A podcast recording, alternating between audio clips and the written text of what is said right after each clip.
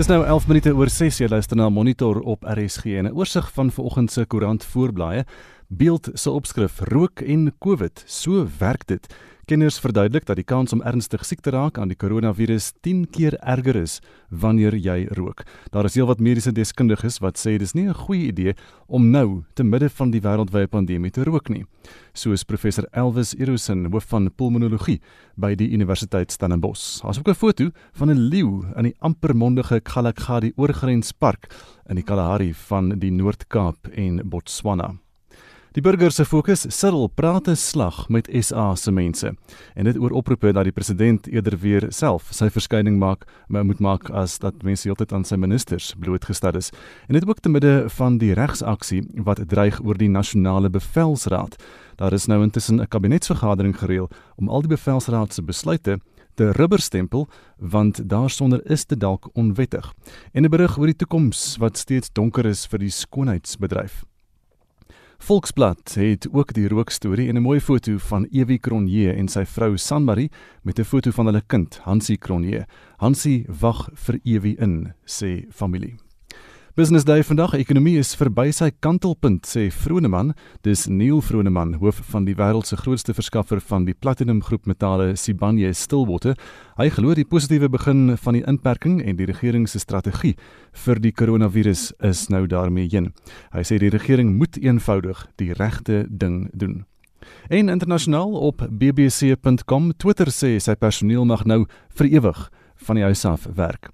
En die Britte is maar steeds omgekrap oor die verwarrende regulasies wat sê jy mag slegs een persoon van 'n ander huishouding ontmoet of as jy in 'n park is, mag jy net een mens daar ken. En dit is 'n oorsig van vanoggend se nuus. En dan Gustaf praat ons vandag oor jou slaappatrone in die Grendeltydperk. Ons wil weet slaap jy? Slaap jy nie? Slaap jy genoeg of slaap jy jouself heeltemal gedaan? en wat doen jy? Kom lag jy so Gustaf? Ja, ek dink aan my eie slaappatroon hier so so 5:00 die oggend. O, oh, dis die ergste. Ons slaap onsself beslis nie gedaan nie. Ons wil vanoggend weet wat doen jy om dit reg te stel of aanvaar jy dit gelate? Vertel ons van jou ervarings, die geslaapery of nie geslaapery. Jy kan ons kry by 45889. Onthou elke SMS kos R1.50. Jy kan ook 'n boodskap stuur na facebook.com skuinstreep vorentoe skuinstreep ZRSG. Vertel ons van jou slaapgewoontes of WhatsApp vir ons stemnota. Onthou asseblief dit moet nie langer as 30 sekondes wees nie en daai nommer 076 536 6961 Dis nou 14 minute oor 6 en daar gaan daadwerklik gewerk word aan die swak verhouding tussen die Hambanati inwoners in Tongaat en die plaaslike polisie. Die polisiekommissaris in KwaZulu-Natal, Elvis Jula, het die opdrag van die minister van polisie gekry.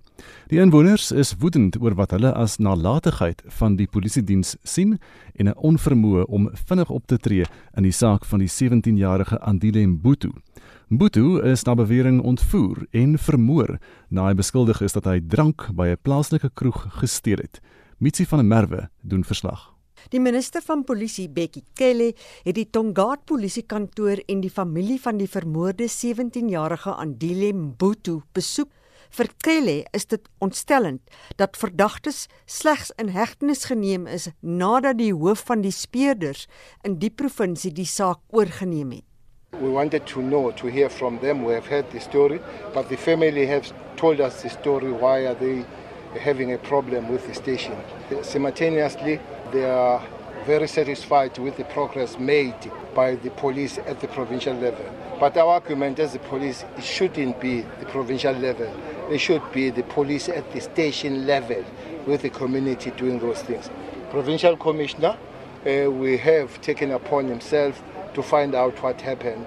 Those things that uh, communities making the allegation and the family making the allegation will investigate those and come back to report to the family. Die familie moes eers hulp soek by minister Cele. Teen die tyd is 'n video waarin Mbutu fisies aangeraak word, wyd versprei op sosiale media.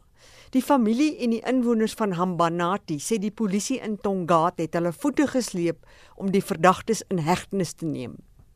Ntobeko Ngidi is 'n oom van die vermoorde. As from the day of the incident, they didn't do as much as they were supposed to do. But what happened on the first day is that uh, we did came to the crime scene at Makakula Lodge with two policemen who were working night, night shift on that specific day, on the 28th of April, but they didn't secure the place as a crime scene. Secondly, how a person, a suspect, can threaten somebody who's a witness in front of the policeman and they didn't do anything. Ses verdagtes het maandag in verband met die Mbutu-moord in die hof verskyn en sal komende maandag formeel verborgtog aansoek doen. Vusi Makosini het hierdie verslag in Tongaat in KwaZulu-Natal saamgestel. Mitsi van der Merwe, SAK nuus. Die minister van Gesondheid, Dr. Zweli Mkhize, het internasionale verpleegstersdag toegewy aan gesondheidswerkers en verpleegers in die stryd teen COVID-19. Minstens 500 Suid-Afrikaanse gesondheidswerkers is reeds met die virus gediagnoseer. Marlenae Forsie berig hy het gister 'n virtuele seremonie gelei vanaf die King Edward Hospitaal in Durban.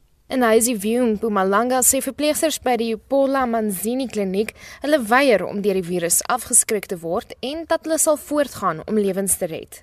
I'm so proud that I'm still here, I'm still standing and I'm doing my work very well. So this facility is a very busy facility and it have a head count of 9.5 per month with a deliveries of plus or minus 56 per month. I've been a nurse for 27 years now. When I decided to be a nurse, I just told myself that uh, I want to see myself being on duty when the country is facing some problems. Like before, I was thinking maybe when the country is at war.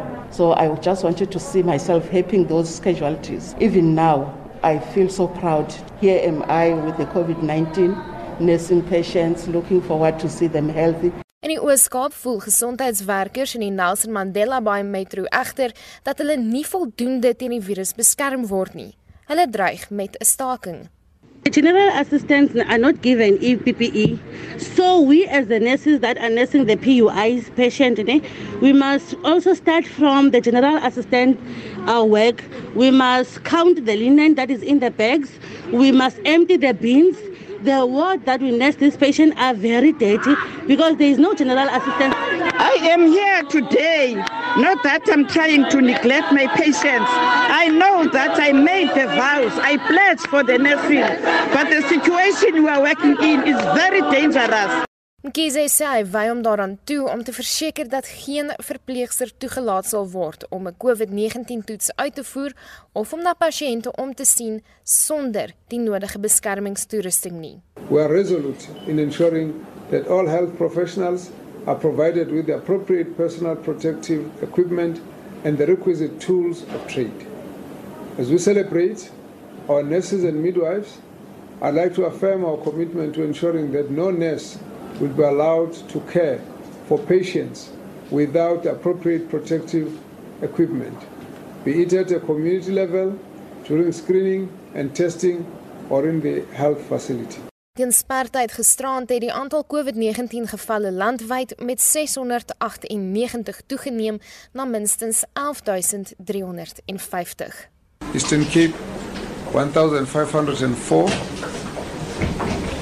Free State 135, Gauteng 2014, KwaZulu-Natal 1394, Limpopo 54, Pumalanga 63, Northwest 51, Northern Cape 30, Western Cape 6105. Dit was die minister van Gesondheid, Zweli Mkhize. President Cyril Ramaphosa het verpleegsters ook geloof vir hul onverskrokke diens tydens die pandemie. Hierdie verslag deur Vanelle Mhlongo in Durban, Ex Marlene Forsie vir SAK nuus.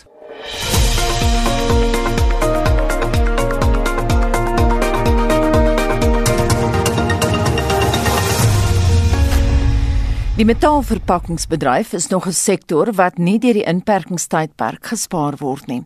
Verskeie rolspelers sê die agterstand wat nou geskep word met die insameling en herwinning van koeldrank en bierblikkies, spuitkannetjies en die blikkies waarin kos verkoop word, gaan lank neem om in te haal.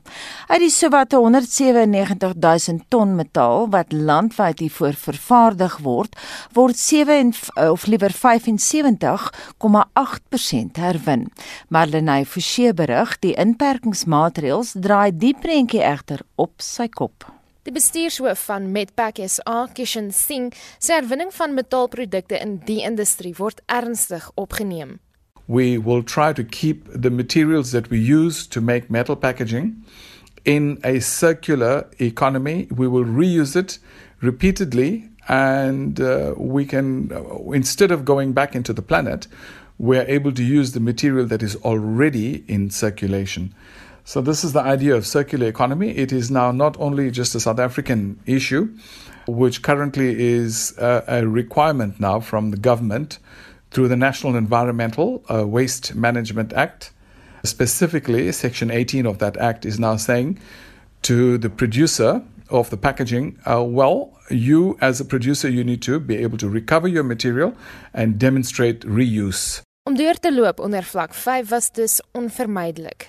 Usually, in a manufacturing situation, there's a quite a lot of raw materials, and so all these raw materials are now sitting as surplus stock. The only thing that was carrying on as an essential service was food related metal packaging. At least there was some movement of materials there. But because of a drop in alcohol sales and things, there's a, quite a significant amount of metal, both in raw materials and finished goods, that is now sitting in the supply chain underused and underutilized, and it will have an impact. Even when lockdown gets to uh, lower levels and we get back to normal production. Straaterwinnaar sal na raming eers weer in Julie kan begin geld maak uit metaalverpakking. Minstens 700 000 rand is intussen vir hulle ingesamel. Sien is egter oortuig dat die bedryf uiteindelik aan die ander kant sal uitkom. The rest of the metal packaging industry will be at a disadvantage given the fact that there's quite a lot of uh, surplus raw materials now and uh, also recovered materials. So, this is going to be, we believe, a surplus uh, for the foreseeable future, at least for another six months. And uh, we at MedPack South Africa believe that there is a great future because of the sustained thinking of circular economies. Metal packaging is certainly proves repeatedly to be a safer option and a more environmentally friendly option because metal packaging can be used and then reused infinitely. Dit was die bestuurshoof van Medpack SA, Kishan Singh. Ek's Marlene Forsie vir SAK nuus. Dis 27 minute oor 6 in die LER vir vervoer in Gauteng. Jacob Mamabolo sê die taxibedryf se nakoming van die inperkingsregulasies is merkwaardig. Mamabolo en die Tshwane Metro administrateur Mponawa het die Mabopane taxi staanplek noord van Pretoria besoek om dit te ondersoek. Mitsi van der Merwe het meer. Die Mabopane taxi staanplek is een van die grootste in die stad. Dit is die kern waar taksies pendelaars kry om hulle in Pretoria en na ander stede soos Johannesburg en selfs na buurige provinsies te vervoer. Die LER vir vervoer in Gauteng, Jacob Mamabolo, sê ten spyte van probleme is baie bereik in die nakoming van die taksies se grendeltydperk reëls. One of the things that we must also commend the taxi industry on is the level of compliance, particularly with the 70% loading capacity or requirement. That has been remarkable. We still have rogue elements in the taxi industry that are used to that old way of playing hide and seek with the law. We must warn them and caution them. We are a country run on the principle of the rule of law, so we are a law governed country. Maar taksibestuurders sê dit kos hulle baie geld om reinigingsmiddels te koop omdat hulle nou minder passasiers vervoer. Patrick Sekete is so 'n bestuurder. We have a problem with sanitizers. Each and every day we don't know where we can get that sanitizers because our association don't give us our uh, sanitizers. Even as drivers, we don't where we can get that, that sanitizers. It's very very expensive, and as we don't have enough money, when now the problem is uh, we're only allowed to have half load, not a full load. There's no business. Aan die ander kant glo die owerhede van die Tshwane Metro Raad dat dit baie belangrik is om die voertuie goed skoon te maak en dat meer mense daarvoor gebruik moet word. Die stad se administrateur Mponawa. I think what we take home from here is that we should keep cleaning. We should not clean because politicians are coming. We should keep the place clean continuously. then I hope that I should be able to go back to work and say, how do we have people who are cleaning taxi ranks in a full-time basis where we can hire because part of the COVID problem a lot of people are losing their jobs.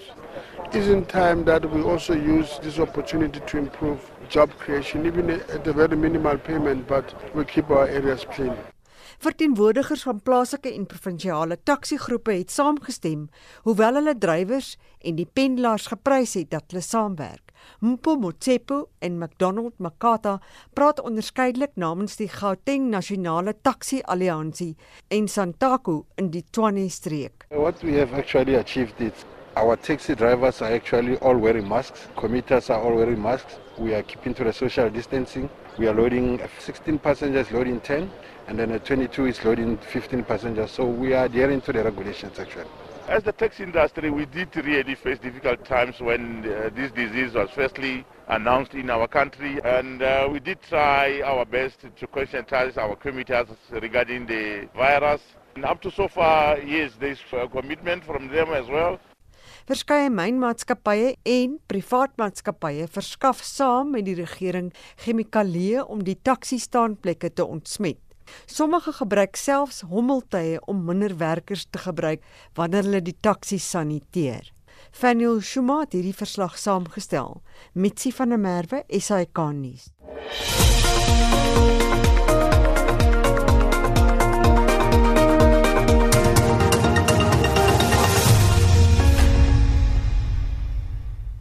Dis nou 6:33 Vincent, wat sê ons luisteraars vanoggend? En net huis 'n lekker boodskap hê, slaappatroon. Die regering is besig om om my 'n druggie te maak. Ek rook al 45 jaar. Nou mag ek nie rook nie. So nou drink ek al slaappille elke dag sodat ek nie ontdekking voel nie. So nee, ek het nie 'n slaapprobleem nie en as ek kien nie, ek haal jare se verlore slaap in. Ek slaap dag en nag. Nou William Jumaat sê I spend more time um, with Jesus. This way meditation is very good for the mind to stay active. We must just believe that Jesus is working. Dan sê hulle net vir die boot is hierso, die eerste paar aande nie veel geslaap nie, seker maar oor die onbekende. En een van ons getroue luisteraars Jack Waterboer sê ek aanvaar dit gelate, ek slaap my omtrent gedaan, veral deur die week, naweke slaap ek bietjie minder, maar nietemin ek geniet die slaap, slaap, slaap en nogmaals slaap, sê Jack Waterboer daar.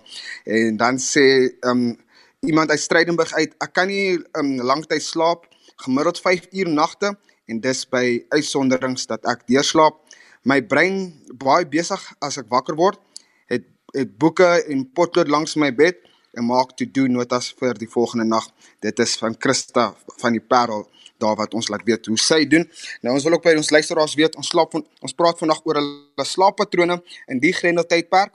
Ons wil weet, slaap jy? Slaap jy nie of slaap jy jouself gedaan? En wat doen jy om dit reg te stel of aanvaar jy dit maar gelate? Vertel ons gerus. Stuur vir ons jou SMS na 45889. Daardie SMS kos R1.50 of praat saam met ons by facebook.com vorentoe skynstreep ZARSG.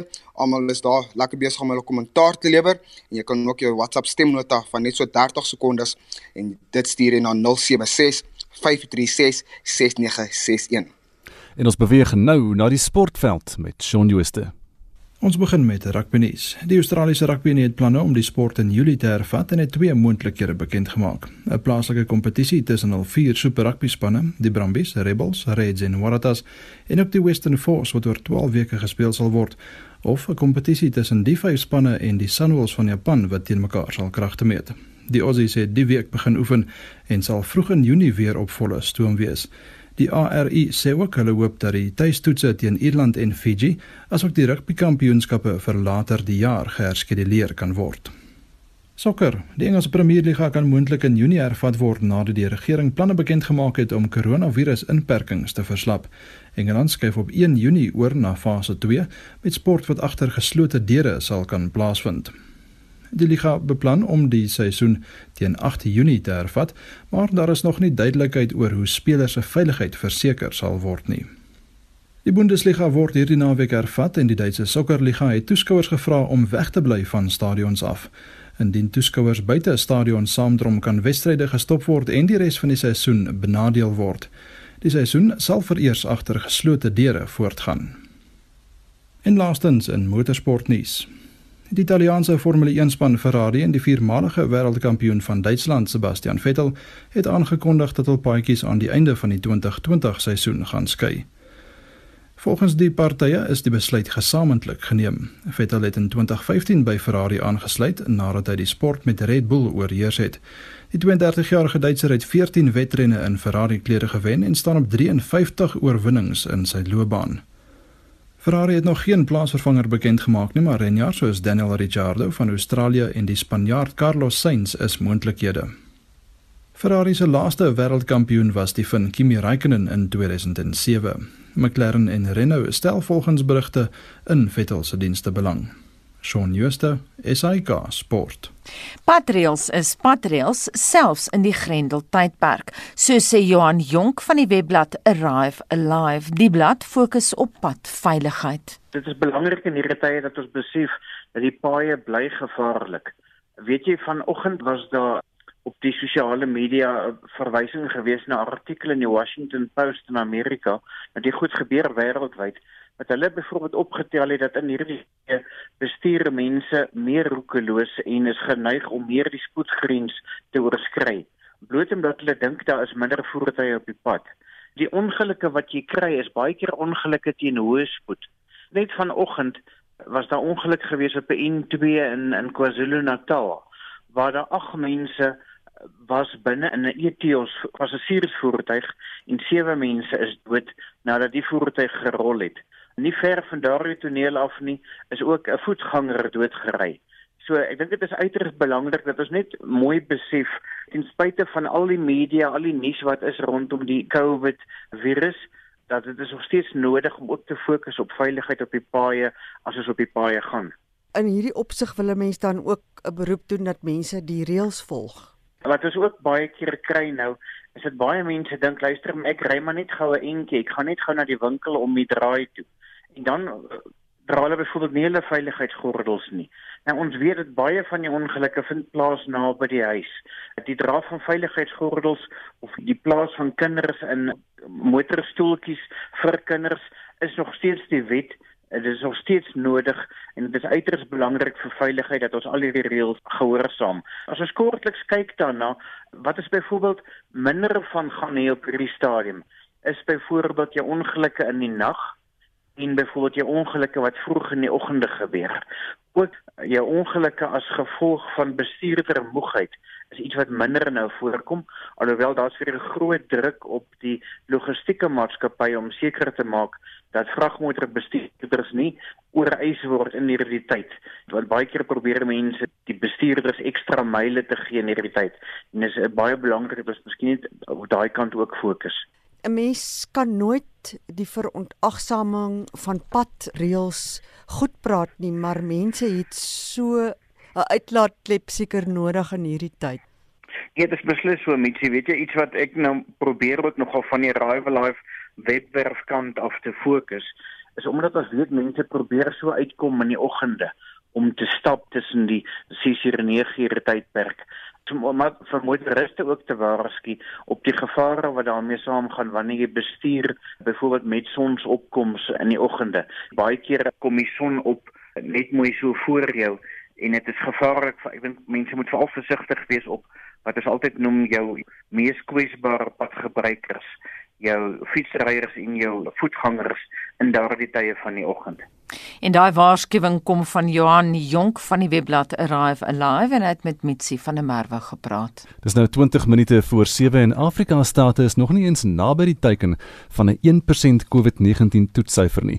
So waarsku Dr Ngozi Irondo, 'n navorsingsgenoot verbonde aan Brittanje se mees vooraanstaande denkskrim Chatham House in Londen. Anita het gister 'n in diepte onderhoud met haar gevoer. Dr Ngozi Irondo is die hoofuitvoerende beampte van Project Zambezi, 'n vennootskap tussen die privaat en staatssektore om toegang tot noodmediese voorrade te bespoedig. Die epidemioloog tree ook op in 'n raadgewende posisie by die gerespekteerde Chatham House wat die Britse regering van riglyne voorsien in verband met beleid. Wat daar bekommer is die feit dat die aantal COVID-gevalle oor die afgelope 2 weke in Afrika verdubbel het. Boonop vernuik die gebrek aan toetsing op die kontinent beleidsformulering omdat die ware prentjie oor corona verskuil is. The tests and the cases that we see are just the tip of the iceberg. And what WHO really recommends is that you can't really think that you're out of the clear unless you have a test positivity rate that's less than 10%. And in most African countries, they don't have even the confidence to say what their test positivity rate is because we know their testing is very low.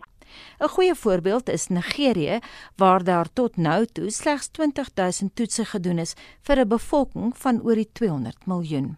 With such low figures, it's really, really concerning we don't have a handle on what's happening with COVID 19 in Africa. In Kenia moet 537 000 mense getoets word om die lae mikpunt van 1% te haal. Vanuit Nairobi word egter berig dat slegs 16 000 toets al gedoen is.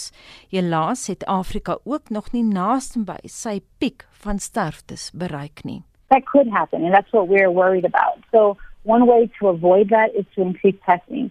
I mean, the question we have to ask is how come there's not more testing? And the reason is that there's just not enough test kits. There's not enough reagents. There's not enough swabs. Obviously, this is not just an African problem, but what's happening right now is that there's competition for these kits. Everything that has to do with COVID-19. And realistically, you know, Kenya cannot compete with the United States of America. If it's a bidding war, Kenya will always be outbid because it's a poor country.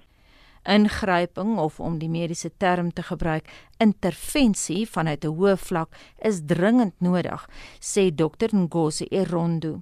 Die infeksiebeheer spesialis het ook 'n beroep gedoen op Afrika state om te belê in meer toetsing, maar weer eens is die realiteit 'n gebrek aan begrotings. No, that's a good point.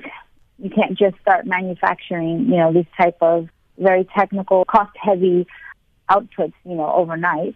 And so we are calling for a collective investment into testing capacity, into building up testing capacity. We don't have to have everybody do everything now. Those most of those large pharmaceutical companies, they're in Europe, they're in the United States, they're in India, but African countries can invest in, you know, the supply kit, sample collection kits. They can try to develop and manufacture those themselves. I think that there's an opportunity for innovation here and just sitting back and not doing anything, that's just not an option that we have. Die logiese pad vorentoe vir Afrika is om kollektief vir hulpbronne te beding. We can become competitive if we are a block of 54 countries or 55 if you count the Western Sahara. You know, if we're a block of 55 countries, we can be more competitive than each one of us trying to buy these kits on our own. En alhoewel Afrika nie in dieselfde liga as Duitsland is waar 360 000 mense weekliks in April getoets is vir die koronavirus nie, is Suid-Afrika 'n voorbeeld wat gevolg kan word, glo Dr. Erondo. South Africa is also, to me, an example for the rest of the world. We've seen this um, stratified, color coded response. This is something that has recently been done in the UK. As soon as I watched the UK and that they're doing more of a localized approach, looking at how the R changes over time, but not just in London or in the UK as a whole, but also locally. That's something that South Africa started doing about, I think, 10 days ago. So I think South Africa even with President Ramaphosa as the chair of AU, South Africa as a country has been quite exemplary. Afrika benodig 15 miljoen toetse oor die volgende 3 maande en Dr. Erondo glo die kontinent moet gebruik maak van beskikbare instellings soos byvoorbeeld die Gates Foundation. The Gates Foundation and the EU. They're launching this accelerator that funds vaccines, tests, and treatments and allows for equal access. And on a practical level, that needs to be up and running again in the next month or the next two months. And Africa also needs to leverage digital technology, needs to leverage apps leverage ways to understand what's going on in communities that we're not necessarily going to be able to get to and test. Testing is important, but truthfully, we need to test smarter because, you know, in a country like Nigeria, who has one of the best national public health institutes on the continent, there's only a workforce of about 400 people in their public health institute. And 400 people are not going to be able to test 200 million people. Hoe dit ook al sê, eindelose inperkings is ook nie die antwoord nie.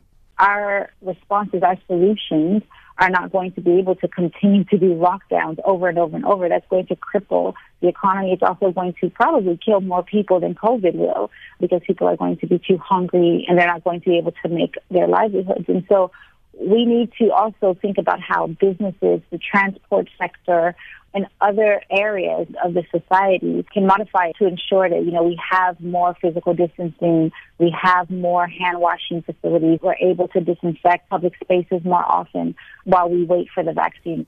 Dit dan die mening van Dr Ngozi Irondo, 'n navorsingsgenoot verbonde aan Brittanje se mees vooraanstaande denkskrim Chatham House in Londen en Anita het die onderhoud met haar gevoer. Nou so 13 minute voor 7 en dis nie net die Suid-Afrikaanse regering wat onderskoot is oor die hantering van COVID-19 nie. In Nigerië is daar 'n behoorlike herrie los oor twee hotelle wat in die suidoostelike deelstaat River State gesloop is omdat die eienaars inperkingsreëls verontagsaam het. Alhoewel die BBC die week baie aandag aan die storie gee, is Human Rights Watch weer bekommerd oor drakoniese maatreëls wat pas in Egipte aangekondig is onder die dekmantel van beskerming teen corona. Vir meer konteks oor die diktatoriale benadering, praat ons nou met die Afrika-spesialis professor Willie Breitenberg van die Universiteit Stellenbosch se departement politieke wetenskap. Môre Willie Goeiemôre Anita. Hallo Gustav. Môre. Die suidelike deel van Nigerië, die spesifieke deelstaat is ook deel van die politieke oppositie. Dink jy Willie dis een rede hoekom die hotelle juis daar gesloop is? Dit kan 'n rede wees, mense is nie 100% seker nie. Dalk was daardie hotelle meer besmet as ander, maar dit sê die owerhede nie vir ons nie. Maar die punt wat jy gemaak het toe met jou inleiding is dat die suide is deel van die tradisionele oppositie van die wat uit die noorde uitregeer. By die noorde bedoel ek die House of Fulani van die noorde en waarvan Buhari wat die huidige president is en hy is 'n oud generaal. Uh, sy magsbasis lê in die noorde en uh, hy hoef nie nou 'n verkiesing te hou nie en dit is hoekom dit vir my bietjie snaaks is wat hy nou gedoen het wat hy doen want hy is net so onlangs as verlede jaar herverkies. So dit gaan nie oor 'n ver, herverkiesingsstrategie nie, dit gaan net bloot daaroor dat amptenare was gemandaat gewees om uh, hierdie inperkingsbevele uit te voer en hulle het dood eenvoudig net uh, die perke oorskry en uh, nie net die mense uit die hotel uit laat uitkom of laat toets vir die uh, vir die virus nie, maar dood eenvoudig die hotel gesloop. Nou dit is uiters uiters hardhandige gedrag. Nou wil die Human Rights Watch uh, beskryf die maatreëls wat in Egipte getref word as um, allesomvattend en waarsku dat die regering daar COVID-19 misbruik vir sy eie politieke agenda. Het hulle 'n punt by daar? Ja, dit sal sekerlik so wees want Egipte is maar altyd op die rand van 'n politieke uh, uh van politieke onrus. So mense vat daar was uh verskillende staatsgrepe gewees uh, militêre mense wat geregeer het en toe uiteindelik was Mubarak 30 jaar aan bewind en uh, uh, die Arabiese lente was onder andere teen hom gemik. Hy is verwyder deur middel van die Arabiese lente en toe het uh, uh, Al-Sisi aan bewind gekom en intussen tyd ook ander mense uh die ou die persoon wat nou regeer Al-Sisi is 'n oud weermaggeneraal. Uh, weer 'n keer dit is 'n militêre kultuur wat geld in Egipte en as die voorwendsel is dat dit ook gaan om die bestryding van die koronavirus dan is dit waarskynlik nou maar net 'n dekmantel dat hulle bietjie geniepsag wil wees met politieke opponente. Ons praat vanoggend met professor Willie Breitenberg van die Universiteit Stellenbosch se departement politieke wetenskap. Willie, Human Rights Watch se adjunkdirekteur vir Noord-Afrika, Joe Stock, voorspel dat president Fattah al-Sisi die noodmaatreëls gaan afdwing selfs in gebiede waar daar min of geen gesondheidsrisiko's is nie. Die vraag is, wat kan die wêreld doen, Willie? As 'n soewereine staat se interne wette hier ter sprake is?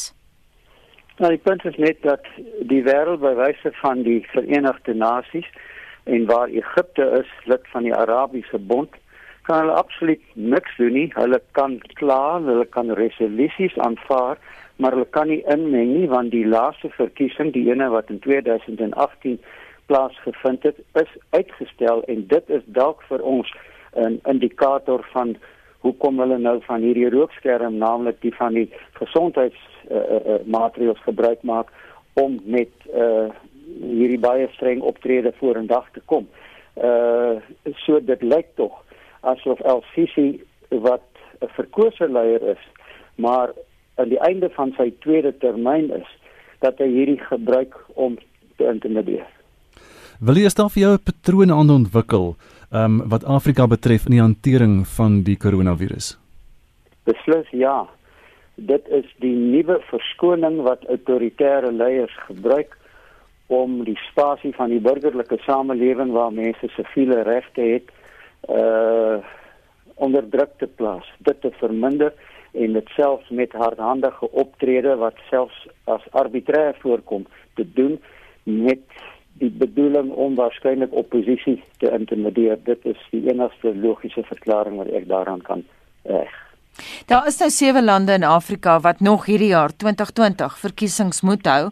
Hoe gaan COVID-19 daai verkiesings raak? Kan ons hier uitstellings verwag?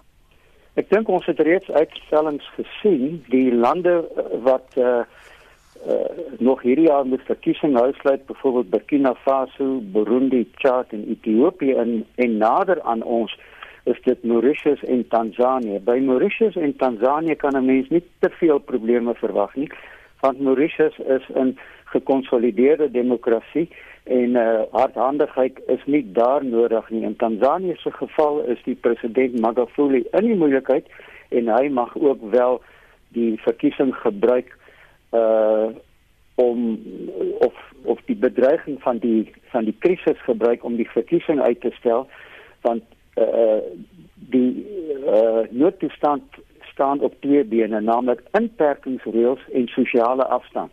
En onder die sosiale afstandreëling kan 'n mens nie politieke vergaderings hou nie. Jy kan ook nie kerkdienste bywoon nie. En uh op hierdie manier kan 'n mens dus verwag dat van hierdie uh leiers van wat ons nou net genoem het met groot grafte as die verkiesing gaan naderkom van hierdie van hierdie sewe lande. En twee het dit alreeds plaasgevind dat dit 'n guldige geleentheid sal wees om die verkiesing uit te stel of selfs af te stel. En dan mens weet nie vir hoe lank nie. As hierdie koronakrisis 3 jaar duur wat ek daarom nie dink dit gaan nie geval wees nie dan sal die verkiesings vir 3 jaar uitgestel word dit is nou maar net die slegste scenario kom ons sê ons maar ons hoop vir die einde van die jaar nogtans uh, maak hierdie uh autoritaire leiers baie beslis hiervan gebruik en dit is die nuutste voorwendsel wat hulle doen en dit lyk vir my dit is Afrika wyd. Wil is daar 'n Afrika 'n uh, portierstelsel of 'n portiermeganisme waar die staatsleiers mekaar kan fyn dophou oor die hantering van so 'n krisis en sal so 'n meganisme werk? Die enigste portierliggaam wat daar was, bestaan eintlik nie meer nie. Dit het onder NEPAD gekom.